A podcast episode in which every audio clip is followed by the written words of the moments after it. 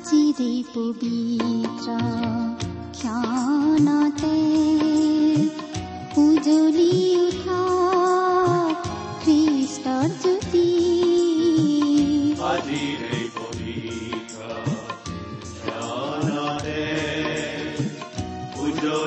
উঠা খ্ৰীষ্টৰ জ্যোতি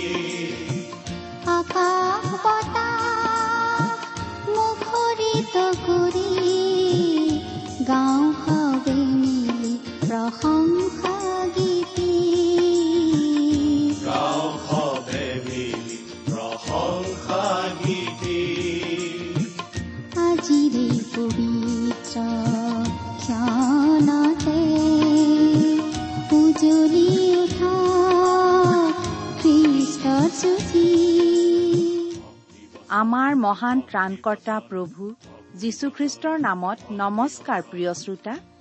এয়া মুকলি কৰিবলৈ লৈছো বাইবেল অধ্যয়নৰ ধাৰাবাহিক অসমীয়া অনুষ্ঠান ভক্তি বচন।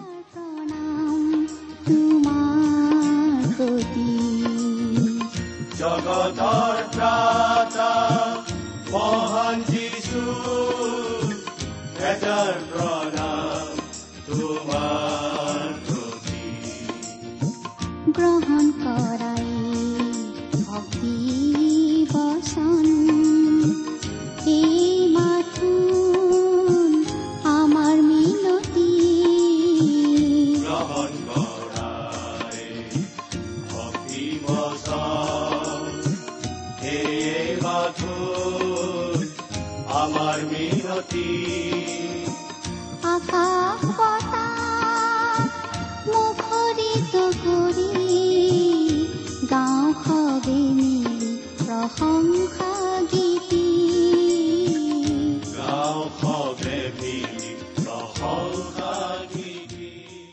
আমাৰ পৰম পবিত্ৰ প্ৰভু যীশুখ্ৰীষ্টৰ নামত নমস্কাৰ প্ৰিয় শ্ৰোতা। আশা কৰো মহান পিতা পৰমেশ্বৰৰ মহান অনুগ্ৰহত আপুনি ভালে কুশলে আছে। লগতে এই বুলিও আশা কৰিছো যে আপুনি আমাৰ এই ভক্তিবচন অনুষ্ঠানটো নিয়মিতভাৱে শুনি আছে। প্ৰিয় শ্ৰোতা এই অনুষ্ঠান শুনি আপুনি কেনে পাইছে আমালৈ চিঠি লিখি জনাবচোন। আপোনালোকৰ পৰা চিঠি পত্ৰ পাবলৈ আমি আগ্ৰহেৰে বাট চাওঁ। আমাৰ যোগাযোগৰ ঠিকনাটো হয়তো আপোনাৰ মনত আছে তথাপি আকৌ এবাৰ কৈ দিছো। ভক্তিবচন টি ডাব্লিউ আৰ ইণ্ডিয়া ডাক পাকচ নম্বৰ সাত শূন্য গুৱাহাটী সাত আঠ এক শূন্য শূন্য এক। ঠিকনাটো আৰু এবাৰ কৈছো ভক্তিবচন টি ডাব্লিউ আৰ ইণ্ডিয়া ডাক পাকচ নম্বৰ সাত শূন্য গুৱাহাটী সাত আঠ এক শূন্য শূন্য এক। আহকচোন আজিৰ বাইবেল অধ্যয়ন আৰম্ভ কৰাৰ আগতে খন্তেক প্ৰাৰ্থনাত মূৰ দুৱাওঁ। স্বৰ্গত থকা অসীম দয়ালু পিতৃ ঈশ্বৰ তোমাৰ মহান নামৰ ধন্যবাদ কৰো। তুমি মহান তুমি কৰুণাময় তুমি অনুগ্ৰহৰ আকৰ। তোমাৰ অনুগ্ৰহতেই আজি আমি প্ৰভু যীশুত বিশ্বাস কৰি পৰিত্ৰাণ পাব পৰা হৈছো তোমাক পিতৃ বুলি মাতিব পৰা হৈছো। তুমি আমালৈ যিমান অনুগ্ৰহ দেখুৱাইছা তাৰ বাবে তোমাক ধন্যবাদ দি আমি শেষ কৰিব নোৱাৰো। এতিয়া প্ৰাৰ্থনা কৰিছো তোমাৰ মহান বাক্য বাইবেল শাস্ত্ৰৰ যোগেৰে তুমি আমাক কথা কোৱা। তোমাৰ মাত আমাক শুনিবলৈ দিয়া। কিয়নো এই প্ৰাৰ্থনা আমাৰ মহান ত্ৰাণকৰ্তা প্ৰভু যীশুখ্ৰীষ্টৰ নামত আগবঢ়াইছো। আমেন।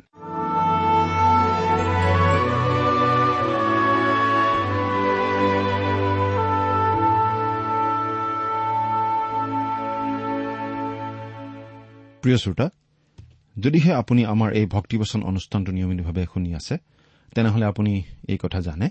যে আমি আজি ভালেমান দিন ধৰি বাইবেলৰ পুৰণি নিয়ম খণ্ডৰ দানিয়েল ভাৱবাদীৰ পুস্তক নামৰ পুস্তকখন অধ্যয়ন কৰি আছিলো। নহয়নে বাৰু? যোৱা অনুষ্ঠানত আমি এই দানিয়েল পুস্তকখনৰ এঘাৰ নম্বৰ অধ্যায়ৰ শেষৰটো পদলৈকে পঢ়ি আমাৰ আলোচনা আগবঢ়াইছিলো। আজিৰ অনুষ্ঠানত আমি এই পুস্তকখনৰ বাৰ নম্বৰ অধ্যায়ৰ এক নম্বৰ পদৰ পৰা আমাৰ আলোচনা আৰম্ভ কৰিম আৰু আজিৰ অনুষ্ঠানতেই আমি এই পুস্তকখনৰ অধ্যয়নৰ সামৰণি মাৰিব খুজিছো। গতিকে আজি আমি এই দানিয়েল পুস্তকৰ শেষৰটো অধ্যায় অৰ্থাৎ গোটেই বাৰ নম্বৰ অধ্যায়টো চাব খুজিছো। প্ৰিয় শ্ৰোতা দহ নম্বৰ অধ্যায়ৰ পৰাই আমি পাই আছিলো দানিয়েলে দেখা এটা দৰ্শনৰ কথা। স্বৰ্গদূতে দানিয়েলক সেই সকলো কথা জনাই দিছিল। সেই কথাখিনিৰ সামৰণি পৰিব এইটো অধ্যায়তে এই গোটেইখিনি কথা আচলতে একেটা দৰ্শন। আৰু গোটেই কথাখিনি ভালদৰে খাপ খাই পৰে। কিন্তু সমস্যাটো হয় যেতিয়া মানুহে এই ভাৱবাণীৰ ঠায়ে ঠায়ে সোমাই পৰে আৰু যিটো নিজৰ বাবে সুবিধাজনক যেন ভাবে তাকেই নিজৰ খুচিমতে ব্যাখ্যা কৰে। আমি এই কথাটো মনত ৰখা ভাল হ'ব যে এই গোটেইটো আচলতে একেটা দৰ্শন। আৰু আমাক এই বিষয়ে এইদৰে জনাই দিয়া হৈছে। এতিয়া শেষ কালত তোমাৰ জাতিলৈ যি ঘটিব তাকে তোমাক বুজাই দিবলৈ মই আহিলো কিয়নো এই দৰ্শনৰ কথাবোৰ ঘটিবলৈ এতিয়াও বহুদিন আছে। দানিয়েল দহ নম্বৰ অধ্যায়ৰ চৈধ্য নম্বৰ পদ। এই পদটোৰ পৰা আমি তিনিটা গুৰুত্বপূৰ্ণ কথা মন কৰা উচিত। তোমাৰ জাতিলৈ যি ঘটিব অৰ্থাৎ এই কথাখিনি ঘটিব ইছৰাইল জাতিৰ বাবে। এই পৃথিৱীৰ পৰা মণ্ডলীক উঠাই লৈ যোৱাৰ পাছত। দ্বিতীয়তে শেষকালত। পুৰণি নিয়মৰ শেষকাল মানে নতুন নিয়মৰ শেষকাল যি কালৰ বিষয়ে প্ৰভু যীশুৱে কৈছিল। যি কালত এই পৃথিৱীত মহাক্লেশ ঘটিব আৰু সেয়া হ'ব দানিয়েলৰ ভাৱবাণীৰ সত্তৰ নম্বৰ সপ্তাহৰ শেষৰটো সপ্তাহৰ কথা। তৃতীয়তে ঘটিবলৈ এতিয়াও বহুদিন আছে।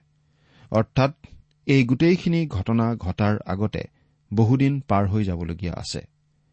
দানিয়েলে এই দৰ্শন দেখা বহুদিন ইতিমধ্যে হৈ গ'ল। আচলতে প্ৰায় দুহেজাৰ পাঁচশ বছৰৰো বেছি সময় ইতিমধ্যে পাৰ হৈ গ'ল। আমি এতিয়া সেই শেষকালৰ ওচৰ চাপি আহিছো। কিন্তু কিমান দিন বাকী আছে আমি হলে ক'ব নোৱাৰো।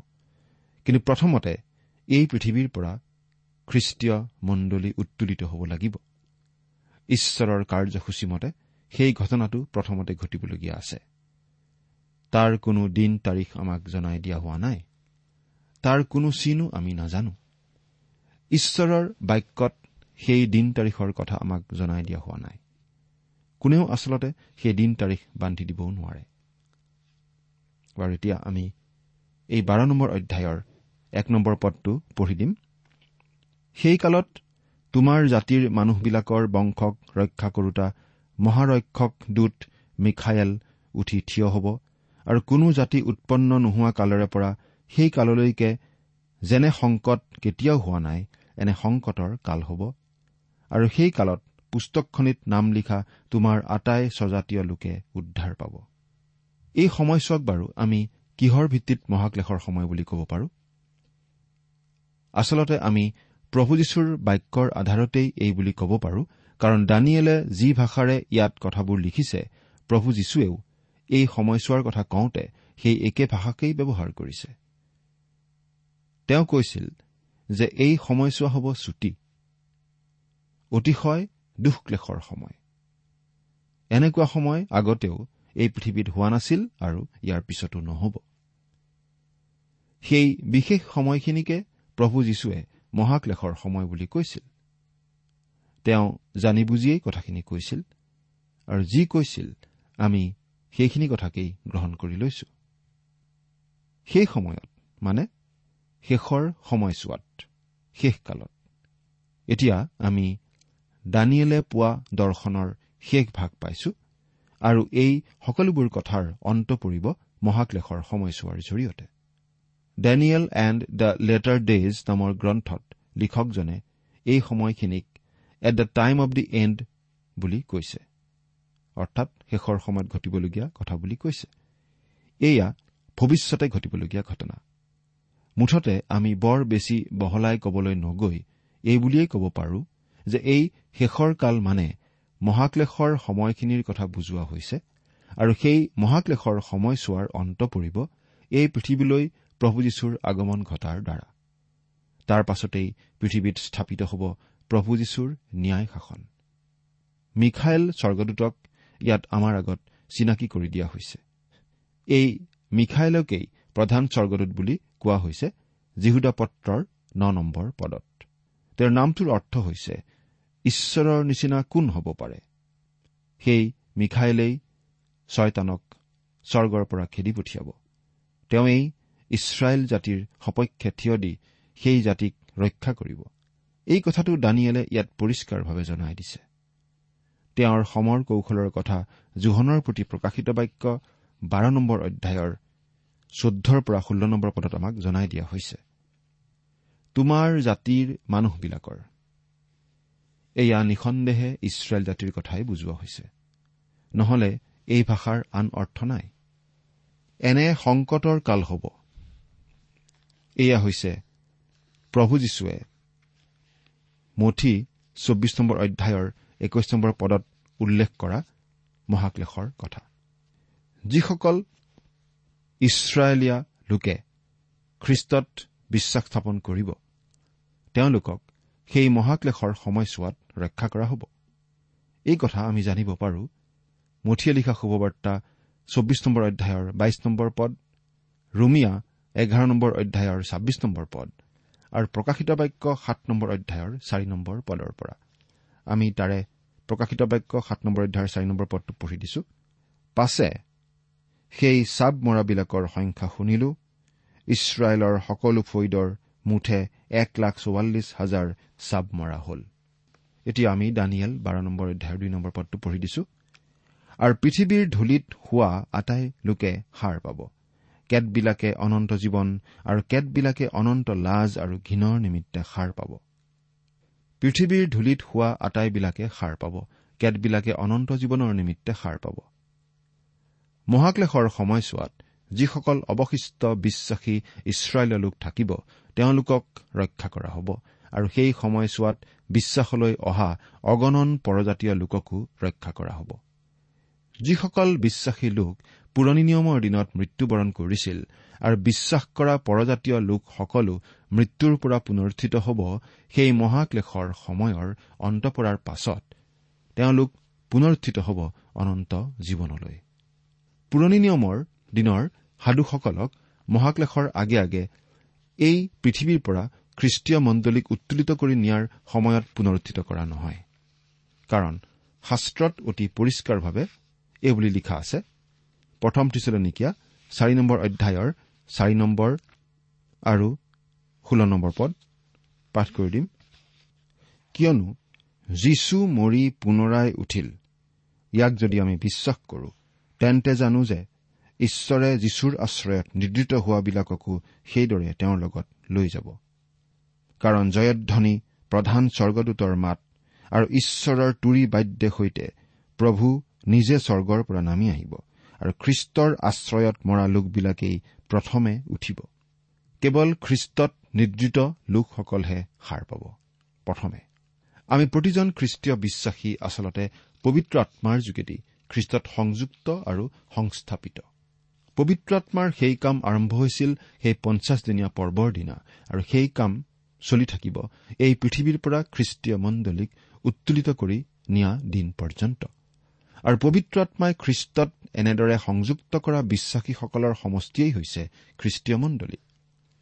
আমি প্ৰথম কৰিন্ঠিয়া বাৰ নম্বৰ অধ্যায়ৰ বাৰ আৰু তেৰ নম্বৰ পদ পঢ়িলে এনেদৰে পঢ়িবলৈ পাওঁ।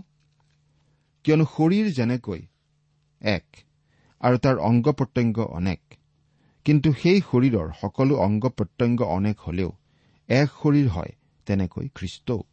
কাৰণ আমি যিহুদী হওঁ বা গ্ৰীক হওঁ দাস হওঁ বা স্বাধীন হওঁ সকলোৱে এক শৰীৰ হবলৈ এক আত্মাত বাপ্তাইজিত হলো আৰু সকলোৱে এক আত্মা পাণ কৰিবলৈ পালো। প্ৰভু যীশুৱে তেওঁৰ শিষ্যসকলক এই বুলি জনাইছিল যে তেওঁলোকক পবিত্ৰ আত্মাই বাপ্তাইজিত কৰি খ্ৰীষ্টীয় বিশ্বাসীৰ সমষ্টি অৰ্থাৎ খ্ৰীষ্টীয় মণ্ডলীত সংস্থাপিত কৰিব। আমি পঢ়িবলৈ পাওঁ পাচনি কৰ্ম এক নম্বৰ অধ্যায়ৰ পাঁচ নম্বৰ পদত কিয়নো জোহনে হলে পানীতহে বাপ্তাইজ কৰিলে কিন্তু অলপ দিনৰ পাছত তোমালোক পবিত্ৰ আত্মাত বাপ্তাইজিত হবা। যেতিয়া এই পৃথিৱীৰ পৰা খ্ৰীষ্টীয় মণ্ডলীক উত্তোলিত কৰি লৈ যোৱা হ'ব তেতিয়া পুৰণি নিয়মৰ দিনৰ সাধুসকলক পুনৰুত্থিত কৰা নহ'ব। কিয় বাৰু? কাৰণ খ্ৰীষ্টৰ ৰাজ্যত প্ৰৱেশ কৰাৰ সময় আহিব মহাক্লেশৰ সময় চোৱাৰ পাছতহে। যেতিয়া প্ৰভু যীশুখ্ৰীষ্টই এই পৃথিৱীত তেওঁৰ ন্যায় শাসন প্ৰতিষ্ঠা কৰিবহি। তেতিয়াহে পুৰণি নিয়মৰ দিনৰ সাধুসকল পুনৰুত্থিত হ'ব। অব্ৰাহাম ইছাক জাকুব আদি সকলো পুনৰুত্থিত হ'ব। সেই সময়ত খ্ৰীষ্টই পৃথিৱীত স্থাপন কৰা ৰাজ্যত প্ৰৱেশ কৰিবলৈ। কিন্তু মণ্ডলীক পৃথিৱীৰ পৰা উঠাই নিয়া সময়তে তেওঁলোকক পুনৰুত্থিত কৰিলে তেওঁলোকে বাদ্যযন্ত্ৰ আদি হাতত লৈ সাত বছৰ ধৰি অপেক্ষা কৰি থাকিব লগা হ'ব। সেইটো নিশ্চয় অলপ আমনিদায়ক কথা হ'ব। কিন্তু আমি শাস্ত্ৰত এইটো স্পষ্টভাৱে পাওঁ। যে তেওঁলোকক মহাক্লেশৰ সময়ছোৱাৰ অন্তত পুনৰুত্থিত কৰা হ'ব। কেতবিলাকে অনন্ত লাজ আৰু ঘীনৰ নিমিত্তে সাৰ পাব। ইয়াত পুৰণি নিয়মৰ দিনৰ ঈশ্বৰ বিশ্বাসহীন লোকসকলৰ কথাকেই বুজোৱা হৈছে। সেই বিশ্বাসহীন লোকসকল পুনৰুত্থিত হ'ব খ্ৰীষ্টৰ এহেজাৰ বছৰীয়া শাসন কালৰ অন্তত। খ্ৰীষ্টই বগা সিংহাসনত বহি কৰা বিচাৰৰ সন্মুখীন হবলৈ। এতিয়া তিনি নম্বৰ পদটো পঢ়ি দিম। যিবিলাক জ্ঞানী তেওঁবিলাক আকাশৰ দীপ্তিৰ নিচিনাকৈ আৰু যিবিলাকে অনেকক ধাৰ্মিক কৰে তেওঁবিলাক তৰাবোৰৰ নিচিনাকৈ চিৰকাল জিলিকি থাকিব। সেই মহাক্লেশৰ অন্ধকাৰ সময়ছোৱাত খ্ৰীষ্টৰ বিশ্বাসীসকলে উজ্জ্বল তৰাৰ নিচিনাকৈ জিলিকি থাকিব। আচলতে আজি প্ৰতিজন খ্ৰীষ্টীয় বিশ্বাসীয়ে তাকেই কৰা উচিত। ফিলিপিয়া দুই নম্বৰ অধ্যায়ৰ পোন্ধৰ নম্বৰ পদত আমি এইবুলি পঢ়িবলৈ পাওঁ। পাঠ কৰি দিছো। ঈশ্বৰৰ নিষ্কলংক সন্তান হবৰ কাৰণে বিবাদ আৰু তৰ্ক বিতৰ্ক নোহোৱাকৈ সকলো কৰ্ম কৰা। সেই মহাক্লেশৰ সময়ছোৱাত ইছৰাইলীয়া লোকসকলৰ মাজৰ যিসকলে খ্ৰীষ্টত বিশ্বাস কৰিব তেওঁলোকে গোটেই পৃথিৱীতে খ্ৰীষ্টৰ কথা ঘোষণা কৰিব আৰু বহুতো লোকক ধাৰ্মিকতালৈ ঘূৰাব। যি ধাৰ্মিকতা আমি খ্ৰীষ্টত লাভ কৰো। খ্ৰীষ্টত লাভ কৰা সেই ধাৰ্মিকতাহে ঈশ্বৰৰ দৃষ্টিত গ্ৰহণীয় হয়। আমাৰ নিজৰ ধাৰ্মিকতা লেতেৰা চোৱা কাপোৰৰ নিচিনা ঈশ্বৰৰ দৃষ্টিত। আমাৰ দৃষ্টিত অৱশ্যে আমাৰ ধাৰ্মিকতা ভাল যেনেই লাগিব পাৰে। আমি নিজকে খুব ভাল বুলিয়েই ভাবি থাকো। আমি ইজনে সিজনৰ পিঠিত থপৰিয়াই থপৰিয়াই ইজনে সিজনক প্ৰশংসাও কৰো। কিন্তু আচলতে আমি এদম লেতেৰা কাপোৰৰহে সৃষ্টি কৰো। প্ৰিয় শ্ৰোতা ঈশ্বৰে আমাৰ কৰ্ম গ্ৰহণ কৰিব নোৱাৰে। তেওঁ একমাত্ৰ খ্ৰীষ্টৰ ধাৰ্মিকতাহে গ্ৰহণ কৰে আৰু সেই ধাৰ্মিকতা আমি লাভ কৰিব পাৰো একমাত্ৰ বিশ্বাসেৰে। চাৰি নম্বৰ পদ কিন্তু হে দানিয়েল তুমি শেষ কাললৈকে এই বাক্যবোৰ বন্ধ কৰি ৰাখা আৰু এই পুস্তক মোহৰ মাৰা। অনেকে ইফালে সিফালে লৰ ধৰিব আৰু জ্ঞান বৃদ্ধি হ'ব। এই ভাৱবাণীখিনি শেষৰ সময়লৈকে মোহৰ মাৰি বন্ধ কৰি থবলৈ কোৱা হৈছিল। ই সময়ৰ শেষ অৱস্থাটোক বুজোৱা নাই কিন্তু দানিয়েলৰ ভাৱবাণীৰ সত্তৰ সপ্তাহৰ শেষৰটো সপ্তাহকহে বুজুৱাইছে। আমি সেই সত্তৰ নম্বৰ সপ্তাহৰ আগৰ বিৰতিৰ সময়ছোৱাত বাস কৰি আছো। গতিকে আমি কিমানখিনি বুজি পাব পাৰো তাক কোনেও ভালদৰে ক'ব নোৱাৰো। আজি বহুতো নিষ্ঠাবান লোকৰ মাজত এই ভাৱবাণীসমূহৰ ব্যাখ্যাক লৈ মতভেদ আছে। তাৰ পৰা এইটোৱেই বুজা যায় যে আচলতে আমি কোনেও সম্পূৰ্ণকৈ গোটেই কথাবোৰ বুজি পোৱা নাই। কাৰণ এই কথাবোৰ বন্ধ কৰি থোৱা হৈছে। কিন্তু সেই সময় উপস্থিত হলে সকলো কথা মুকলি হ'ব আৰু মানুহে তেতিয়াহে কথাবোৰ ভালদৰে বুজি পাব। আৰু এইকাৰণেই আমি এটা কথাত দৃষ্টি নিবদ্ধ কৰি ৰাখিব লাগে। কি কথানো বাৰু? টিত দুই নম্বৰ অধ্যায়ৰ তেৰ নম্বৰ পদটো পঢ়ো। আৰু পৰম ধন্য আশা সিদ্ধিলৈ আৰু মহান ঈশ্বৰ আৰু আমাৰ ত্ৰাণকৰ্তা যীশুখ্ৰীষ্টৰ প্ৰতাপৰ আৱিৰ্ভাৱলৈ যেন অপেক্ষা কৰি থাকো। সেই অনুগ্ৰহে এনে শিক্ষা আমাক দিছে। অনেকে ইফালে সিফালে লৰ ধৰিব। আমি ভাবো অনেকেই ভাৱবাণীসমূহ অধ্যয়ন কৰিবলৈ শাস্ত্ৰখনৰ ইমূৰৰ পৰা সিমূৰলৈ অহা যোৱা কৰিব। মানুহে বাইবেল খৰচি মাৰি মাৰি পঢ়িব। এই ভাৱবাণীবোৰ বুজি পাবলৈ আচলতে আজি ভাৱবাণীৰ অধ্যয়নত মানুহ যিমান ব্যস্ত হৈ পৰিছে আগতে তেনেকুৱা হোৱা নাছিল। জ্ঞান বৃদ্ধি হ'ব। আমি ভাবো ইয়াত ভাৱবাণীৰ জ্ঞানৰ কথা বিশেষভাৱে বুজোৱা হৈছে। এই কথা সঁচা যে প্ৰায় সকলো দিশতেই জ্ঞান বৃদ্ধি পাইছে কিন্তু ইয়াত বিশেষভাৱে বুজোৱা হৈছে ভাৱবাণী বিষয় জ্ঞান বৃদ্ধি পোৱাৰ কথাটো। এতিয়া পাঁচৰ পৰা আঠ নম্বৰ পদলৈকে একেলগে পাঠ কৰি দিম। তেতিয়া মই দানিয়েলে চাই আৰু দুজন পুৰুষ দেখিলো। তেওঁবিলাকৰ মাজৰ এজন ইপাৰে আনজন সিপাৰে নদীৰ পাৰত থিয় হৈ আছিল। আৰু নদীৰ পানীতকৈ ওখ ঠাইত থিয় হোৱা সূতাৰ বস্ত্ৰ পিন্ধা পুৰুষজনক তেওঁবিলাকৰ এজনে সুধিলে এই আচৰিত কথাবোৰ সিদ্ধ হবলৈ কিমান সময় লাগিব? পাছে নদীৰ পানীতকৈ ওখ ঠাইত থিয় হোৱা সূতাৰ বস্ত্ৰ পিন্ধা পুৰুষজনে নিজৰ সোঁ আৰু বাওঁ হাত আকাশৰ ফাললৈ দাঙি অনন্ত কাললৈকে জীয়াই থাকোতা জনাৰ নামেৰে শপত খাই এই কথা কোৱা মই শুনিলো। এক কাল দুই কাল আৰু আধা কাললৈকে হ'ব। আৰু পবিত্ৰ জাতিৰ বাহুবল ভাঙি এটোৱাৰ পাছত এইবোৰ সিদ্ধ হ'ব। সনসূতাৰ বস্ত্ৰ পিন্ধা পুৰুষজন প্ৰভু যীশুখ্ৰীষ্ট। এই ঘটনাখিনি অৰ্থাৎ খ্ৰীষ্টাৰীৰ জৰিয়তে ঘটা মহাক্লেশৰ সময়খিনি কিমান কাল হ'ব বুলি সোধাত তেওঁ জনাই দিছিল এক কাল দুই কাল আৰু আধা কাল অৰ্থাৎ চাৰে তিনি বছৰ। দানিয়েলৰ ভাৱবাণীৰ সত্তৰ সপ্তাহৰ শেষৰ সপ্তাহটো এতিয়াও ঘটিবলৈ বাকী আছে। সেই সপ্তাহ মানে হৈছে সাত বছৰ।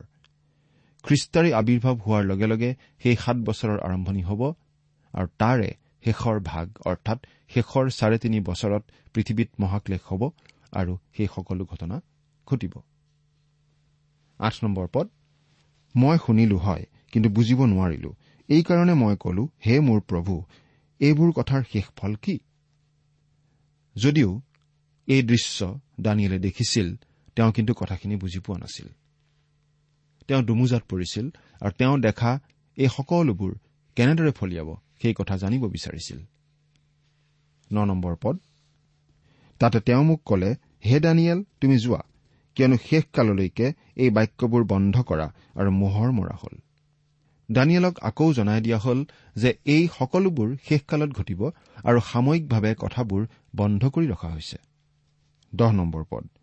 অনেকে নিজকে পবিত্ৰ শুক্লা আৰু পৰীক্ষা সিদ্ধ কৰিব কিন্তু দুষ্টবোৰে দুষ্কৰ্ম কৰিব আৰু দুষ্টবোৰৰ মাজৰ কোনেও এইবোৰ নুবুজিব কেৱল জ্ঞানী লোকবিলাকেহে বুজিব।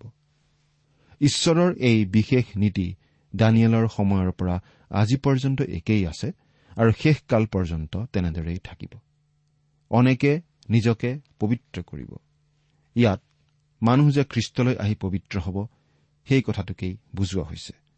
আমি তিতৰ প্ৰতি পত্ৰ তিনি নম্বৰ অধ্যায়ৰ পাঁচ নম্বৰ পদত এনেদৰে পঢ়িবলৈ পাওঁ কিন্তু তেওঁ নিজ দয়া অনুসাৰে নতুন জন্মৰ স্নান আৰু পবিত্ৰ আত্মাই নতুন কৰাৰ দ্বাৰাই আমাৰ পৰিত্ৰাণ কৰিলে। দুষ্টবোৰৰ মাজৰ কোনেও এইবোৰ নুবুজিব। ইয়াত স্বাভাৱিক জাগতিক মানুহৰ কথাকেই বুজোৱা হৈছে। প্ৰথম কৰিন্ঠিয়া দুই নম্বৰ অধ্যায়ৰ চৈধ্য নম্বৰ পদত আমি এনেদৰে পঢ়িবলৈ পাওঁ পাঠ কৰি দিছো কিন্তু স্বাভাৱিক মানুহে ঈশ্বৰৰ আত্মাৰ কথা গ্ৰাহ্য নকৰে কিয়নো তেওঁৰ মনত সেয়ে মূৰ্খতা আৰু তেওঁ কথাৰ তত্বও পাব নোৱাৰে কিয়নো আম্মিক ৰূপেহে তাৰ বিচাৰ কৰা হয়। কেৱল জ্ঞানী লোকবিলাকেহে বুজিব। জোহন ষোল্ল নম্বৰ অধ্যায়ৰ তেৰ নম্বৰ পদত আমি এই বুলি পঢ়িবলৈ পাওঁ। কিন্তু সেই সত্যৰ আত্মা যেতিয়া আহিব তেতিয়া তেওঁ আটাই সত্যলৈ তোমালোকক পথ দেখুৱাই নিব। কিয়নো তেওঁ নিজৰ পৰা নকব কিন্তু যিহকে শুনিব তাকে কব আৰু তোমালোকক ভৱিষ্যত কথা জনাব। এতিয়া আকৌ আমি এঘাৰ নম্বৰ পদটো পাঠ কৰিম। দানিয়েল বাৰ নম্বৰ অধ্যায়ৰ এঘাৰ নম্বৰ পদ আৰু নিত্য বলিদান গুচোৱাৰে পৰা আৰু ধ্বংসকাৰী ঘীনলগীয়া বস্তু স্থাপন কৰাৰে পৰা এক হাজাৰ দুশ নব্বৈ দিন হ'ব। এই পদটো যে অতি দৰকাৰী সেই কথা আমি পুনৰ দোহৰাৰ প্ৰয়োজন কিবা আছেনে বাৰু? কাৰণ প্ৰভু যীশুৱেও এই পদটোৰ উদ্ধৃতি দিছিল মঠি চৌব্বিছ নম্বৰ অধ্যায়ৰ পোন্ধৰ নম্বৰ পদত আমি এনেদৰে পাওঁ পাঠ কৰি দিব খুজিছো। এই হেতুকে যি ঘীনলগীয়া বস্তুৰ কথা দানিয়েল ভাৱবাদীৰ দ্বাৰাই কোৱা হৈছিল তাক যেতিয়া পবিত্ৰ ঠাইত থকা দেখিবা যিজনে পঢ়ে তেওঁ বুজক। সেই সময়ত অৱশিষ্ট থকা ইছৰাইলীয় লোকবিলাকৰ বাবে এইটোৱেই চিন হ'ব যে মহাক্লেশৰ সময় আৰম্ভ হ'ল। এহেজাৰ দুশ নব্বৈ দিন ধৰি সেই খ্ৰীষ্টাৰীৰ মূৰ্তি জিৰচালেমৰ মন্দিৰত থাকিব। চাৰে তিনি বছৰতকৈ ত্ৰিশ দিন বেছি। মহাক্লেশৰ পিছৰ আধা অংশ হ'ব এহেজাৰ দুশ ষাঠি দিন। কিবা এটা কাৰণত খ্ৰীষ্টাৰীৰ ধ্বংস হোৱাৰ পাছতো ত্ৰিশ দিন পৰ্যন্ত খ্ৰীষ্টাৰীৰ প্ৰতিকৃতি সেই মন্দিৰত থাকিবলৈ দিয়া হ'ব। বাৰ নম্বৰ পদ যিজনে ধৈৰ্য ধৰি এক হাজাৰ তিনিশ পঁয়ত্ৰিশ দিনলৈকে থাকিব তেওঁ ধন্য। এই কথাখিনিও আমি ভালদৰে বুজাই দিব নোৱাৰো কাৰণ এইখিনিও শেষকালৰ বাবে বন্ধ কৰি ৰখা হৈছে। তেৰ নম্বৰ পদ কিন্তু তুমি শেষৰ অপেক্ষাৰে চলি থাকা কিয়নো তুমি বিশ্ৰাম পাবা আৰু কালৰ শেষত নিজ আধিপত্যত থিয় হবা। দানিয়েলক কোৱা হৈছে যে তেওঁৰ মৃত্যু হ'ব তেওঁ খ্ৰীষ্টৰ পুনৰ আগমন দেখা নাপাব কিন্তু খ্ৰীষ্টৰ এহেজাৰ বছৰীয়া ৰাজ্যত প্ৰৱেশ কৰিবলৈ তেওঁ পুনৰ হ'ব। প্ৰিয় শ্ৰোতা আজি প্ৰতিজন খ্ৰীষ্টীয় বিশ্বাসীৰ আগতো এই আশাটোৱেই আছে খ্ৰীষ্টৰ পুনৰ আগমনৰ আশা। এই আশা আগত লৈয়েই আমি জীয়াই থকা উচিত। আপুনি বাৰু এই আশা আপোনাৰ বুকুত বান্ধি ৰাখিছেনে? চিন্তা কৰি চাওকচোন। ঈশ্বৰে আপোনাক আশীৰ্বাদ কৰক।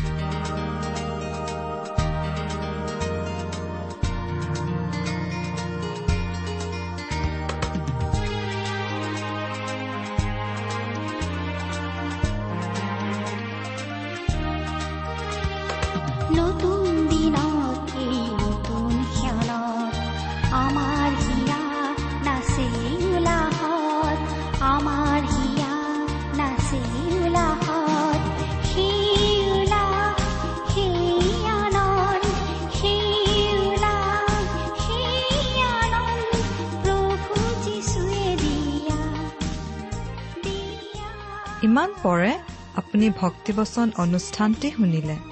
অনুষ্ঠানটি শুনি কেনে পালে আমালৈ চিঠি লিখি জনাবচোন? অনুষ্ঠানত প্ৰচাৰ কৰা কোনো কথা বুজিব লগা থাকিলেও আমালৈ লিখক। আমাৰ ঠিকনা ভক্তিবচন টি ডাব্লিউ আৰ ইণ্ডিয়া ডাক পাকচ নম্বৰ সাত শূন্য গুৱাহাটী সাত আঠ এক শূন্য শূন্য এক।